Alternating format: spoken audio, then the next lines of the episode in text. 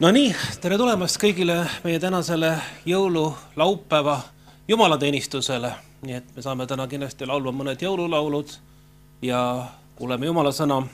möödunud pühapäeval oli meil väga tore jõulupidu, kes käisid, nii et aitäh kõigile korraldajatele ja tegijatele ja osalejatele ja, ja, ja, ja ma usun, et me hoiame oma kvaliteeti ka edaspidi kõrgel niisugustel üritustel. ja aga jah, täna siis alustame sellega, et võtame aega hetke palveks ja siis juba jätkame uuesti muusikaga ja jumala sõnaga. issand, me tuleme sinu ette tänasel äh, jõululaupäeva hommikul ja tahame sind tänada selle eest, et sa oled andnud meile elu ja kõike ülirohkesti me palume seda, et, et rahu võiks olla maa peal, nii nagu su soovgi on, et rahu maa peal oleks, seda täna ei ole igal pool, aga me palume, meie jõulupalve soov on see, et, et see rahu võiks jõuda siia maa peale ja, ja inimeste suremine ja tapmine võiks lõppeda. me palume seda, et me selle jõulude ajal võiksime tõesti märgata neid inimesi, kes on meie ümber. palume, et me võiksime nendele paista seda sinu valgust, mida sina jagad ja olla neile tõeliseks kingituseks, olla jõuluõnnistuseks, olla sinu rahu toojateks siin maa peal. me täname sind selle eest Jeesuse nimel. amin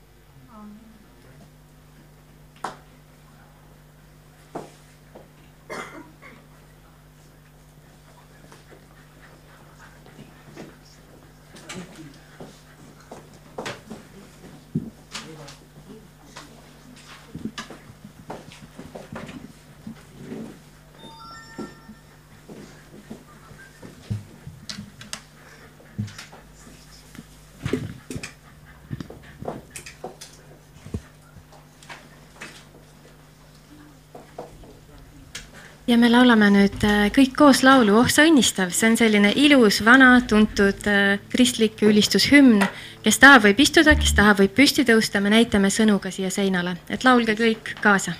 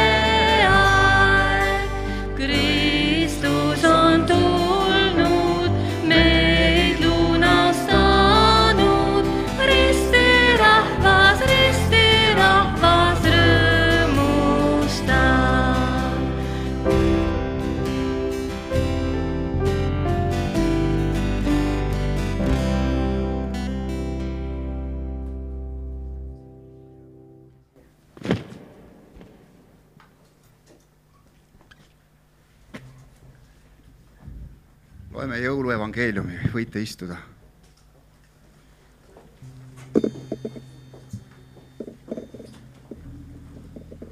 aga kuuendas kuus läkitas Jumal ingel Gabrieli Galilea linna, mille nimi on Naatsaret. Neitsi juurde ta oli kihlatud Joosepi nimelise mehega Taaveti soost. ja neitsi nimi oli Maarja. ja tulles sisse tema juurde, ütles ingel, tere, sa armu leidnu. issand olgu sinuga. Aga tema ehmatas sellest sõnast ja mõtles, et see teretus võiks tähendada, mida, mida see teretus võiks tähendada. siis ingel ütles temale, ära karda, Maarja, sest sa oled leidnud armu Jumala juures ja vaata, sa saad käima peale ning tood ilmale poja ja paned temale nimeks Jeesus. tema saab suur olema ja teda peab hüütama kõige kõrgema pojaks. ja issand Jumal annab temale ta isa Taaveti aujärje. ja ta valitseb igavesti Jaakobi soo üle ning tema kuningriigil ei ole otsa. aga Maarja ütles inglile, kuidas see võib sündida, kuna ma mehest ei tea ingel vastas ning ütles temale, et püha vaim tuleb sinu peale ja kõrge, kõige kõrgema vägi varjab sind. sellepärast peab ka püha, kes sinust sünnib, nimetatama Jumala pojaks. ja vaata, su sugulane Elizabeth, temagi on pojaga käima peal oma vanas eas ja see on kuues kuu temal, keda üteldi olevat sigimatu. sest Jumalal ei ole ükski asi võimatu. aga Maarja ütles, vaata, siin on issand ümardaja mulle sündigu sinu sõna järele. ja ingel läks tema juurest. amen.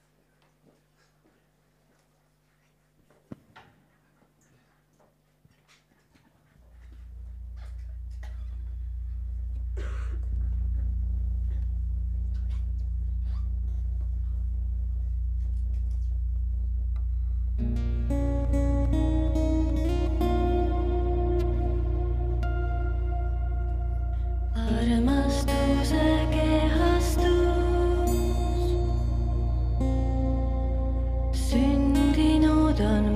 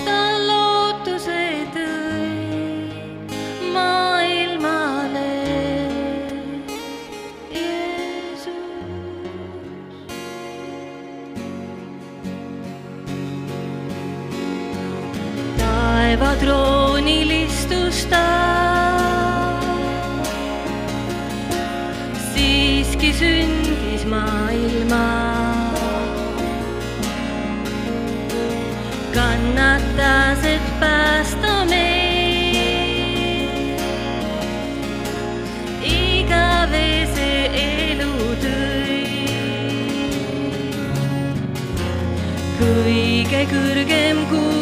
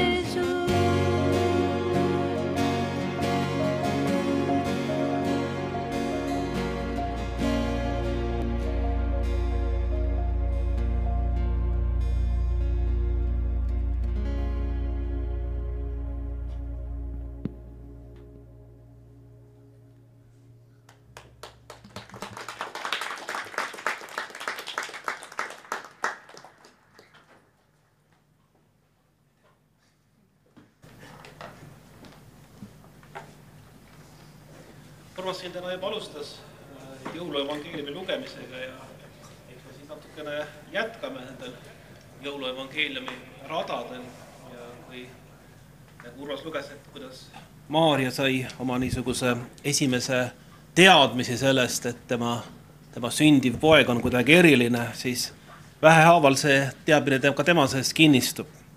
ja Luuke evangeeliumi teine peatükk ütleb niimoodi. Neil päevil sündis, et keiser Augustus andis käsu üles kirjutada kogu maailm. no võib-olla keiser Augustuse puhul tasub öeldagi, et ta oli tegelikult Rooma esimene keiser üldse. Et enne teda oli olnud Rooma vabariik, kuni siis Julius Caesar võttis äh, võimu üle. aga just, et Julius Caesari auks hakati, kuna äh, seda hääldati ka kaesar, mitte Caesar, nagu me oleme harjunud, siis sellest tekib ka sõna siis äh, keiser või, või, või kaiser saksa keelest ja, ja kultuuriruumis ja meil keiser. nii et ta on esimene siis niisugune Rooma ainuvalitseja, kes on võimu oma kätte haaranud.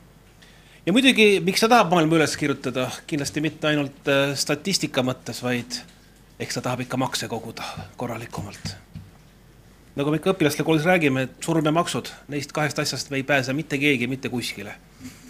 lapsed vahel mõtlevad küll mingeid süsteeme välja, et, et kuidas metsas elada ja makse mitte maksta, aga piisab sul ainult poodi minna ja sealt soola osta omale, kui sa juba maksad käibemaksu juba selle pealt. nii et ei, ei pääse maksudest mitte kuskile.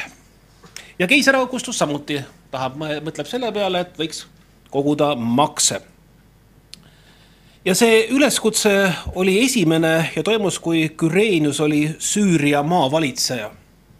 juutide alad olid sattunud roomlaste okupatsiooni alla juba, juba kui ma õieti mäletan, kusagil juba seal seitsekümmend enne Kristust olid roomlased vallutanud juutide maa-alad.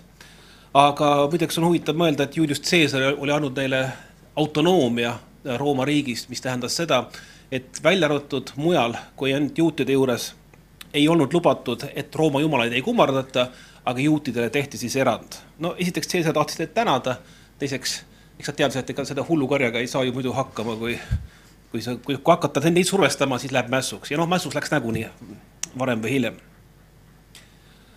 ja kõik äh, läksid ennast laskma kirja panna, igaüks oma linna. No tol ajal e-hääletamise võimalus puudus äh,. nii et selleks tuli isiklikult kohale minna oma sünnilinna. jah, isegi telefonid olid nigelad sel ajal. see, käis niimoodi, et sa andsid oma eeslile jalaga, siis see karjus nii kõvasti, et oli naabri juures kuulda. tead, isegi neid ei olnud veel siis ehk äkki isegi veel olema. isegi sellele läks natuke veel aega. ja nii et, et tuligi minna oma kodulinna, nii et ja Joosep, kes oli Galileast Natsareti linnast, noh, nagu me teame, siis piibli traditsioon ütleb, et ta oli, ta oli puussepp noh, tänapäeval teoloogid ja teadlased ütlevad seda, et, et see võib-olla oli ka mingi muu amet, et lihtsalt puussepp tundus kõigile sihuke kõige romantilisem amet ja siis talle öeldi, et oli puussepp, aga tegelikult on ta kohta öeldud, et ta oli käsitööline. võib-olla müürsepp, võib-olla midagi muud tegi, aga vahet ei ole, ta oli, ta tänapäeva mõistes siis selline keskastme spetsialist oli ta oma kodulinnas Naatsaretis, aga ka tema pidi minema oma sünnilinna Petlemma, et seal siis ennast kirja panna ja ta läks koos oma, oma äh, noore naise Maarjaga või, või Mariaga või, või siis äh, võib-olla juudipäraselt Mirjamiga siis sinna äh, Petlemma linna, et ennast kirja panna. Siis läks ka Joosep Galileast Natsareti linnast üles Juudamaale Taaveti linna, mida nimetatakse Petlemmaks, sest ta oli pärit Taaveti kojast ning soost ennast laskma kirja panna ühes Maarja oma kihlatud naisega, kes oli käima peal. eks kogu see Maarja käima peal olemise lugu on selles mõttes hästi keeruline lugu, et, et tollaegses maailmas see oli, see oli tegelikult ju ennekuulmatu ja, ja võib-olla isegi surmaga karistatav. Aga nagu, nagu piibel räägib teises kohas, oli Joosep selline mõistev ja arusaav mees, kes, kes leppis sellega, et tema naine on teistsugune aga nende seal olles sai aeg täis, et Maarja pidi maha saama. eks nende laste sünniga ongi see, et ega sa ju täpselt kuupäeva ei saa nii väga täpselt paika panna ja me ei tea täpselt, võib-olla nad lootsid ka, et nad jõuavad veel tagasi Petlema. võib-olla midagi muud oli seal, igal juhul Maarjal algas sünnitus peale ja olles Petlemmas ja äh, teises kohas, kohas on, on ka öeldud seda, et, et Petlemmas neil polnud võimalik eriti kuskile öömaja saada, nii et, et äh, nad said omale koha ühes laudas. ja võib-olla meile see kõlab hästi niimoodi šokeerivalt, et äh, keegi sünnitab laudas kuskil. aga jällegi tegelikult tolle, tolle ajastu maailmas seda tehti väga tihti. Nimelt laut oli piisavalt privaatne koht, kus, kus sünnitada, kus oli soe kus oli privaatne, nii et äh, tegelikult oli väga tavaline see, et, et naised äh, Juudamaal läksid või, või Iisraelimaal läksid lauta sünnitama, nii et selles midagi väga ebatavalist võib-olla ei olnudki tol ajal. aga kuna nad olid ka veel rännaku peal ja reisi peal, siis, siis neile pakuti niisugust privaatset kohta, kus siis sünnitada. ja tõepoolest, seal sünnibki siis Jeesus, kes on siis, kes, kes oli lubatud Messias maailma tulemas ja ta tõi ilmale oma esimese poja ja mähkis ta mähkmetesse ja asetas ta sõime, sest neil polnud muud aset majas. nii et, et Messia tuleks siia maailmas, siis sündis äärmiselt tagasihoidlikes tingimustes, väga tagasihoidlikes oludes. ja peale Joosepi ja Maarja oli väga vähe neid inimesi, kes üldse teadsidki, et midagi on maailmas sündimas arvatavasti, kui oleks tol, tol päeval ilmunud ajalehed, oleks seal olnud suured pealkirjad selle kohta, kuidas keiser Augustus äh, rahvaloendus käib, äh, kuidas äh, Rooma riigi piiridel rahu hoitakse. noh, me täpselt isegi ei, ju ei tea, mis aastal, Jeesus sündis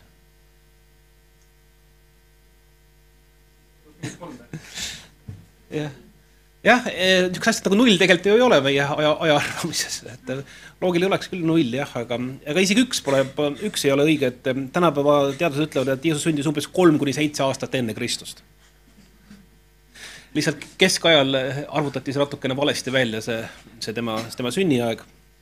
ja mis aeg see oli, noh, meie tähistame seda kahekümne neljandal detsembril jällegi paljud teadlased ütlevad, et nii hilja enam karjased ei olnud enam väljas, et liiga külm oli juba. nii et mine võta kinni, millal see kuupäev oli, aga vahet ju ei ole, on hea, on tore, et me saame seda tähistada ja eriti veel täna, just, just praegusel ajal, kus tegelikult on, on pööripäeva aeg, mis oli küll kaks päeva tagasi, kui ma, õieti mäletan.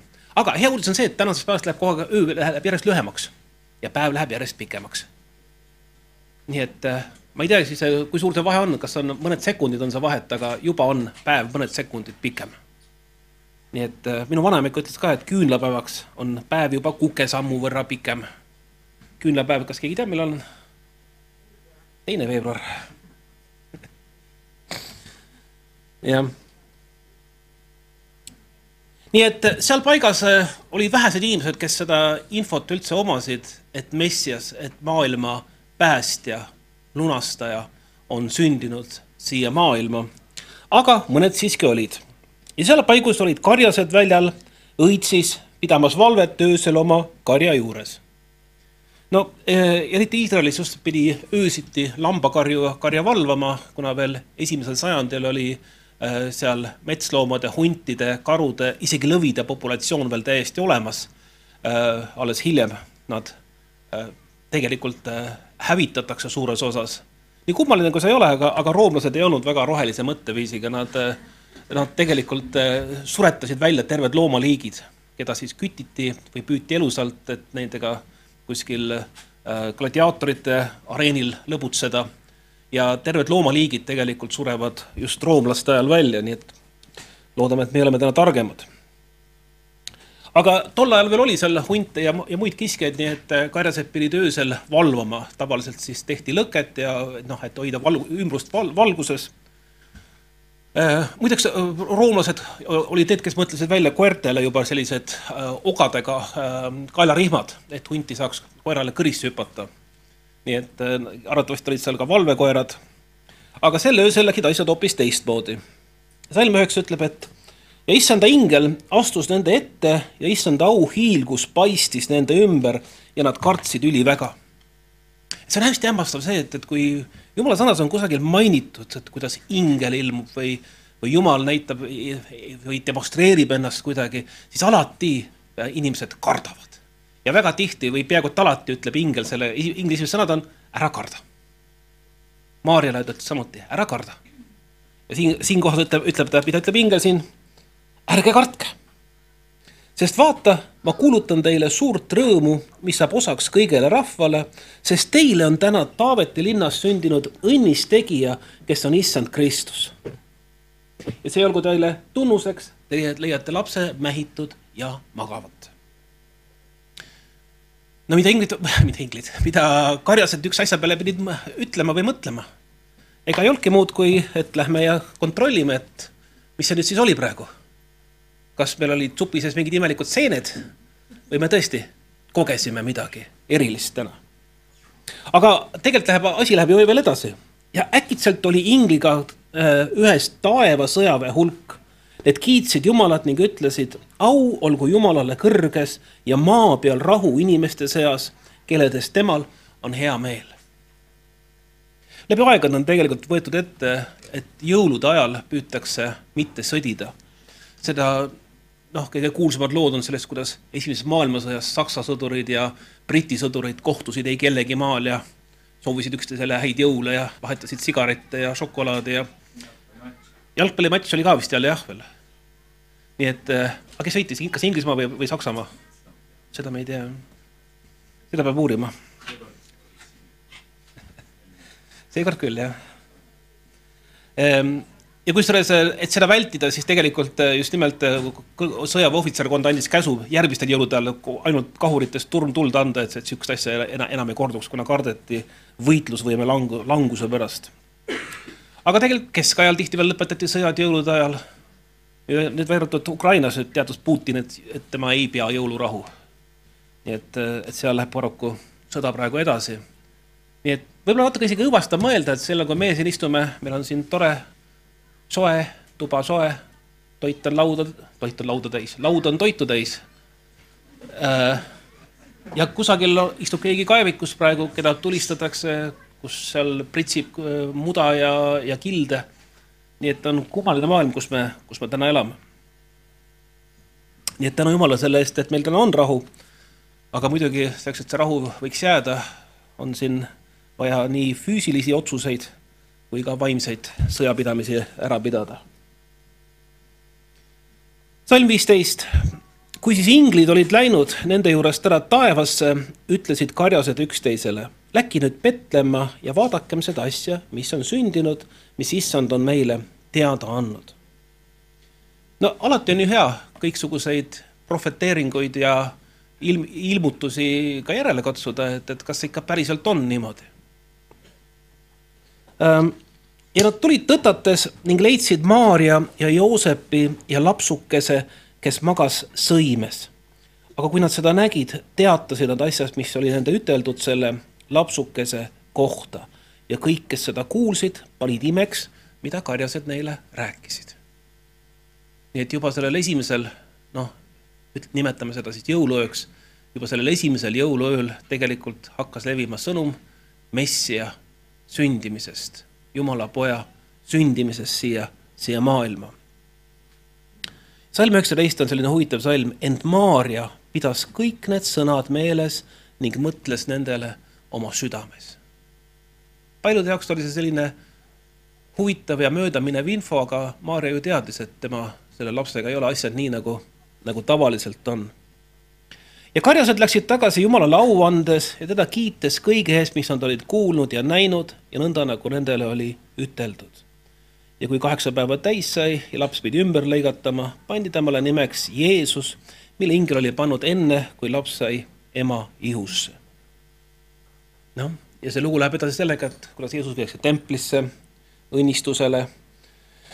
ja seal on üks vana, vanamees Siimon, kes, kellel on Jumal ilmutanud, et ta ei sure enne, kui, kui Messias on ilmunud, nii et tema, tema äh, tuli vaimu sunnil pühakotta ja kui vanemad lapsukese Jeesuse sinna tõid, et tema pärast teha käsuõpetuse kombe järele, siis võttis ta ta sülle, kiitis Jumalat ning ütles, issand, nüüd lased sa oma sulase rahus minna oma sõna järele, sest mu silmad on näinud sinu päästet, mille sa oled valmistanud kõikide rahvaste nähes valguseks, mis peab ilmuma paganatele ja auhiilguseks oma rahvale Iisraelis. on hämmastav seda, et alati on ka neid inimesi, kes hoiavad vaimuliku elu peal kuidas öelda, hoiavad pulssi, hoiavad kätt pulsi peal, teavad, mis on toimumas, teavad, mis on, mis on sündimas ja ta polnud sugugi ainukene. salm kolmkümmend kuus ah,, loeme ka kolmkümmend neli ära, see on tegelikult väärt lugeda.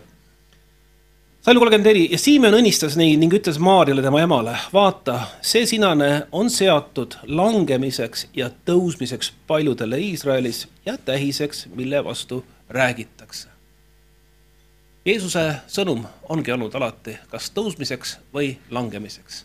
ta on selline universaalne riist, tööriist võiks öelda või instrument. nii nagu kirvega sa võid teha nii head kui halba, nii võid sa ka selle sõnumiga kogeda nii head kui halba. valik on sinu oma. ent ja ta ütleb Maarjale, et ent sinu omastki hingest peab mõõk läbi tungima, et saaksid avalikuks paljude südamete mõtlemised ja seal oli naisprohvet Anna, Fanueli tütar Aasari suguharust. ta oli väga elatanud ning oli elanud oma mehega seitse aastat pärast neitsipõlve ja ta oli lesk, ligi kaheksakümmend neli aastat vana. See ei läinud ära pühakojast, vaid teenis Jumalat paastumise ja palvetamisega ööd ja päevad. nii et see on selline huvitav kutsumine selle naise elus, et ta tundis, et ta peab Jumalat teenima paastumise ja palvetamisega. teda keegi ei teadnudki eriti arvatavasti, ta oli lihtsalt üks tädi kes nii-öelda kirikus palvetamas käib. noh, võib-olla kui tahame täpsed olla, siis sünagoogis, aga, aga ta oli või, või pühakojas. aga tema tuli sinna ja ülistas Jumalat ning kõneles temast kõikidele, kes ootasid Jeruusalemma lunastust. ka tema teadis, et on sündinud keegi, kes on väga eriline. ja nii nagu see sõnum ütlebki, et eh, mis me selle sõnumiga nüüd peale hakkame, mis me teeme selle sõnumiga. et meil on lunastaja sündinud. me saame teha oma elus teatud valikuid, me saame oma elus teha teatud otsuseid ja võib-olla mõnel on, mõnel on see otsus kuidagi väga selge ja ta teab võib-olla kuupäeva, kus ta otsustab oma elus teha kannapöörde vaimulikus mõttes ja järgida Jumalat. mõnel on see võib-olla lihtsalt välja kujunenud aegade jooksul ja ei olegi nii selget kuupäeva seal taga. aga kindel on see, et, et Jumalal on meile kõikidele oma lugu rääkida ja meil on oma teekond, oma rada tema poolt valmis pandud, mis sai alguse just sellel ööl, noh, ümmarguselt umbes kaks tuhat aastat tagasi. Ja just täna ongi see hea päev mõelda selle üle, et, et mis on siis see minu tee, mis on see minu rada mis Jumal on minu ette pannud, mis on see teekond, mida mööda ta tahab, et mina kõnniksin.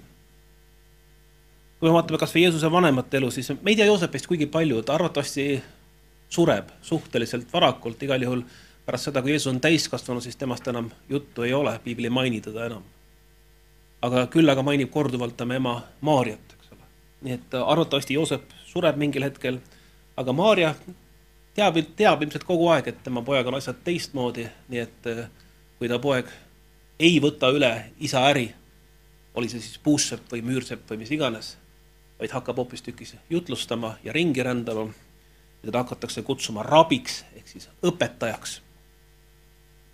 Siis Mari teadis, et eks see kõik nii pidigi, pidigi minema ja, ja ta teadis ka seda, et, et tema poeg peab surema, nagu ütles Siimon, et sinu oma hingeski peab mõõk läbi käima. Ja mis on see meie rada, eks äh, seda saab Jumal sulle rääkida, kui sa küsid ta käest ja võib-olla ka jõulude aeg on see hetk, kus sa võtad hetke aega ka iseenda jaoks ja puhkad oma igapäeva töödest ja toimetamistest ja, ja stressist ja kõige hullem on, ongi see, kui me keerame jõulud omaette stressiks, et me, ärme tee seda. kui kartulid ei küpse lõpuni ära, see ei ole maailma lõpp. kui unustasid kapsastele soola panna, no ei ole ka maailma lõpp.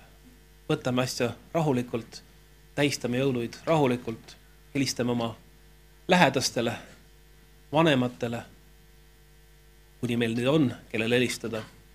räägime, tervitame sõpru, tuttavaid, sugulasi, naabreid. tihtipeale me linnas elades ei tunnegi oma naabreid õieti. mina mäletan küll oma Õismäe korterist, et ma teadsin oma lähimaid naabreid aga kas me nende perekonnanimesid teadsimegi? äkki teadsime, ei mäleta enam. kes mul juba üle koridori elasid, mul polnud õrna aimugi enam. vahel nägime mõnda tuttavat nägu koridori peal, noogutad ja ütled tere. või siis jah, kohtud liftis Õismäe, Õismäe majas.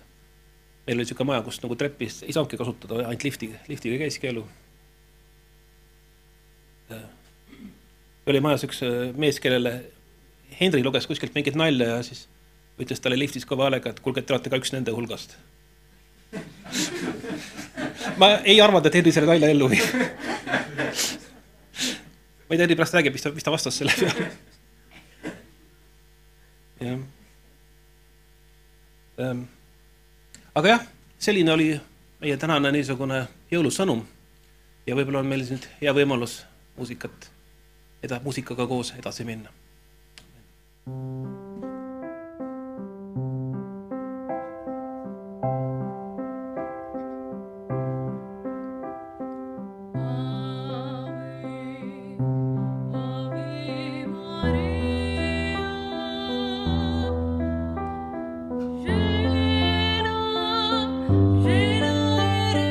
de.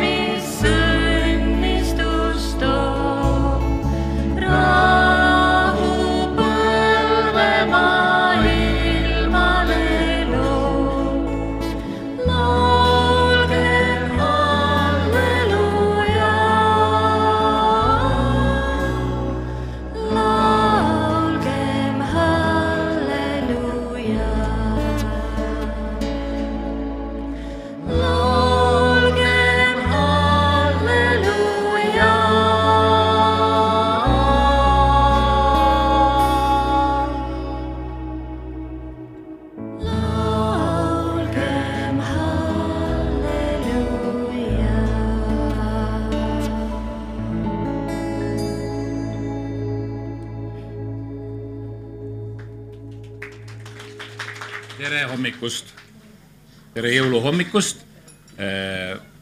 ma tul-, ma tulin siia selleks, et öelda tere, tere seda jõululaupäeva hommikut, et öelda head aega, sest Heigo palus, et ma ütleksin lõpusõna. ja ütles, et kas ma võtaks üles korjanduse. kolm kuningat olid need tegelased, kes tulid Idamaalt ja see on väga hämmastav. Need olid äh, targad, võib-olla nad olid kuningad, piibel otseselt ei maini neid, maini neid kui kuningaid ja kui sa Vanas Testamendis vaatad referentsi või viiteid nendele tegelastele, kes Jeesuse juurde kummardama tulid teda, siis ta räägib kuningatest ja tarkadest. ja see on päris hämmastav, tegelikult tundub, et see fakt on tihti kahe silma vahele jäänud, tähetargad, kuningad, ülikud, kõrgeaulised, kõrgesoolised inimesed, kellel oli teadmisi rohkem kui lihtsatel puussepatel ja müüriladujatel, nagu, nagu Heigo siin ütles ennist. Need märkasid, et midagi väga erilist on sündinud, võtsid pika teekonna ette, reisisid, kulutasid palju aega, energiat ja raha selleks, et minna mingisugust imet vaatama. jõudsid kohale, leidsid ühe väikese beebi kuskilt, millest peitus siis tohutu jõud ja nemad tõid, nemad tõid ande kaasa. Nad tõid kulda, mürri ja viirukit.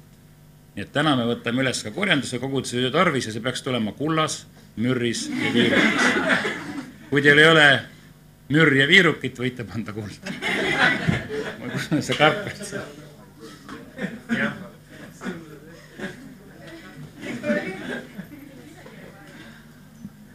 aga nagu ikka jah, siis oma meie koguduse töö toetamiseks selleks, et siin need tuled saaksid laest põleda ja ilusad hääled siin eest kõlada ja et Heigo saaks, mis oli kapsale soola ja, ja kartulid ikkagi lõpuni ära keeta, siis me, me teate, et meie koguduse elu läheks edasi, siis me võtame üles korjanduse, ma lasen selle siit ringi käima. Jaa.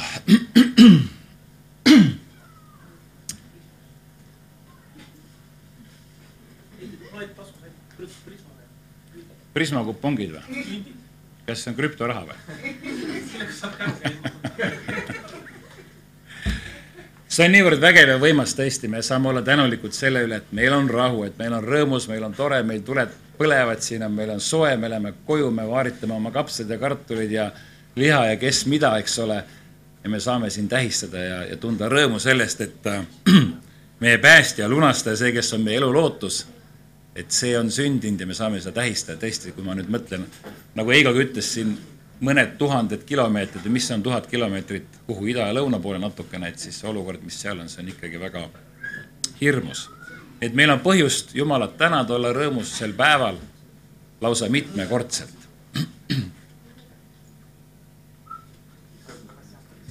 Ahah, ei ole mürris. kuule, hambaid ei palunud. siit ei käi, aa, okei.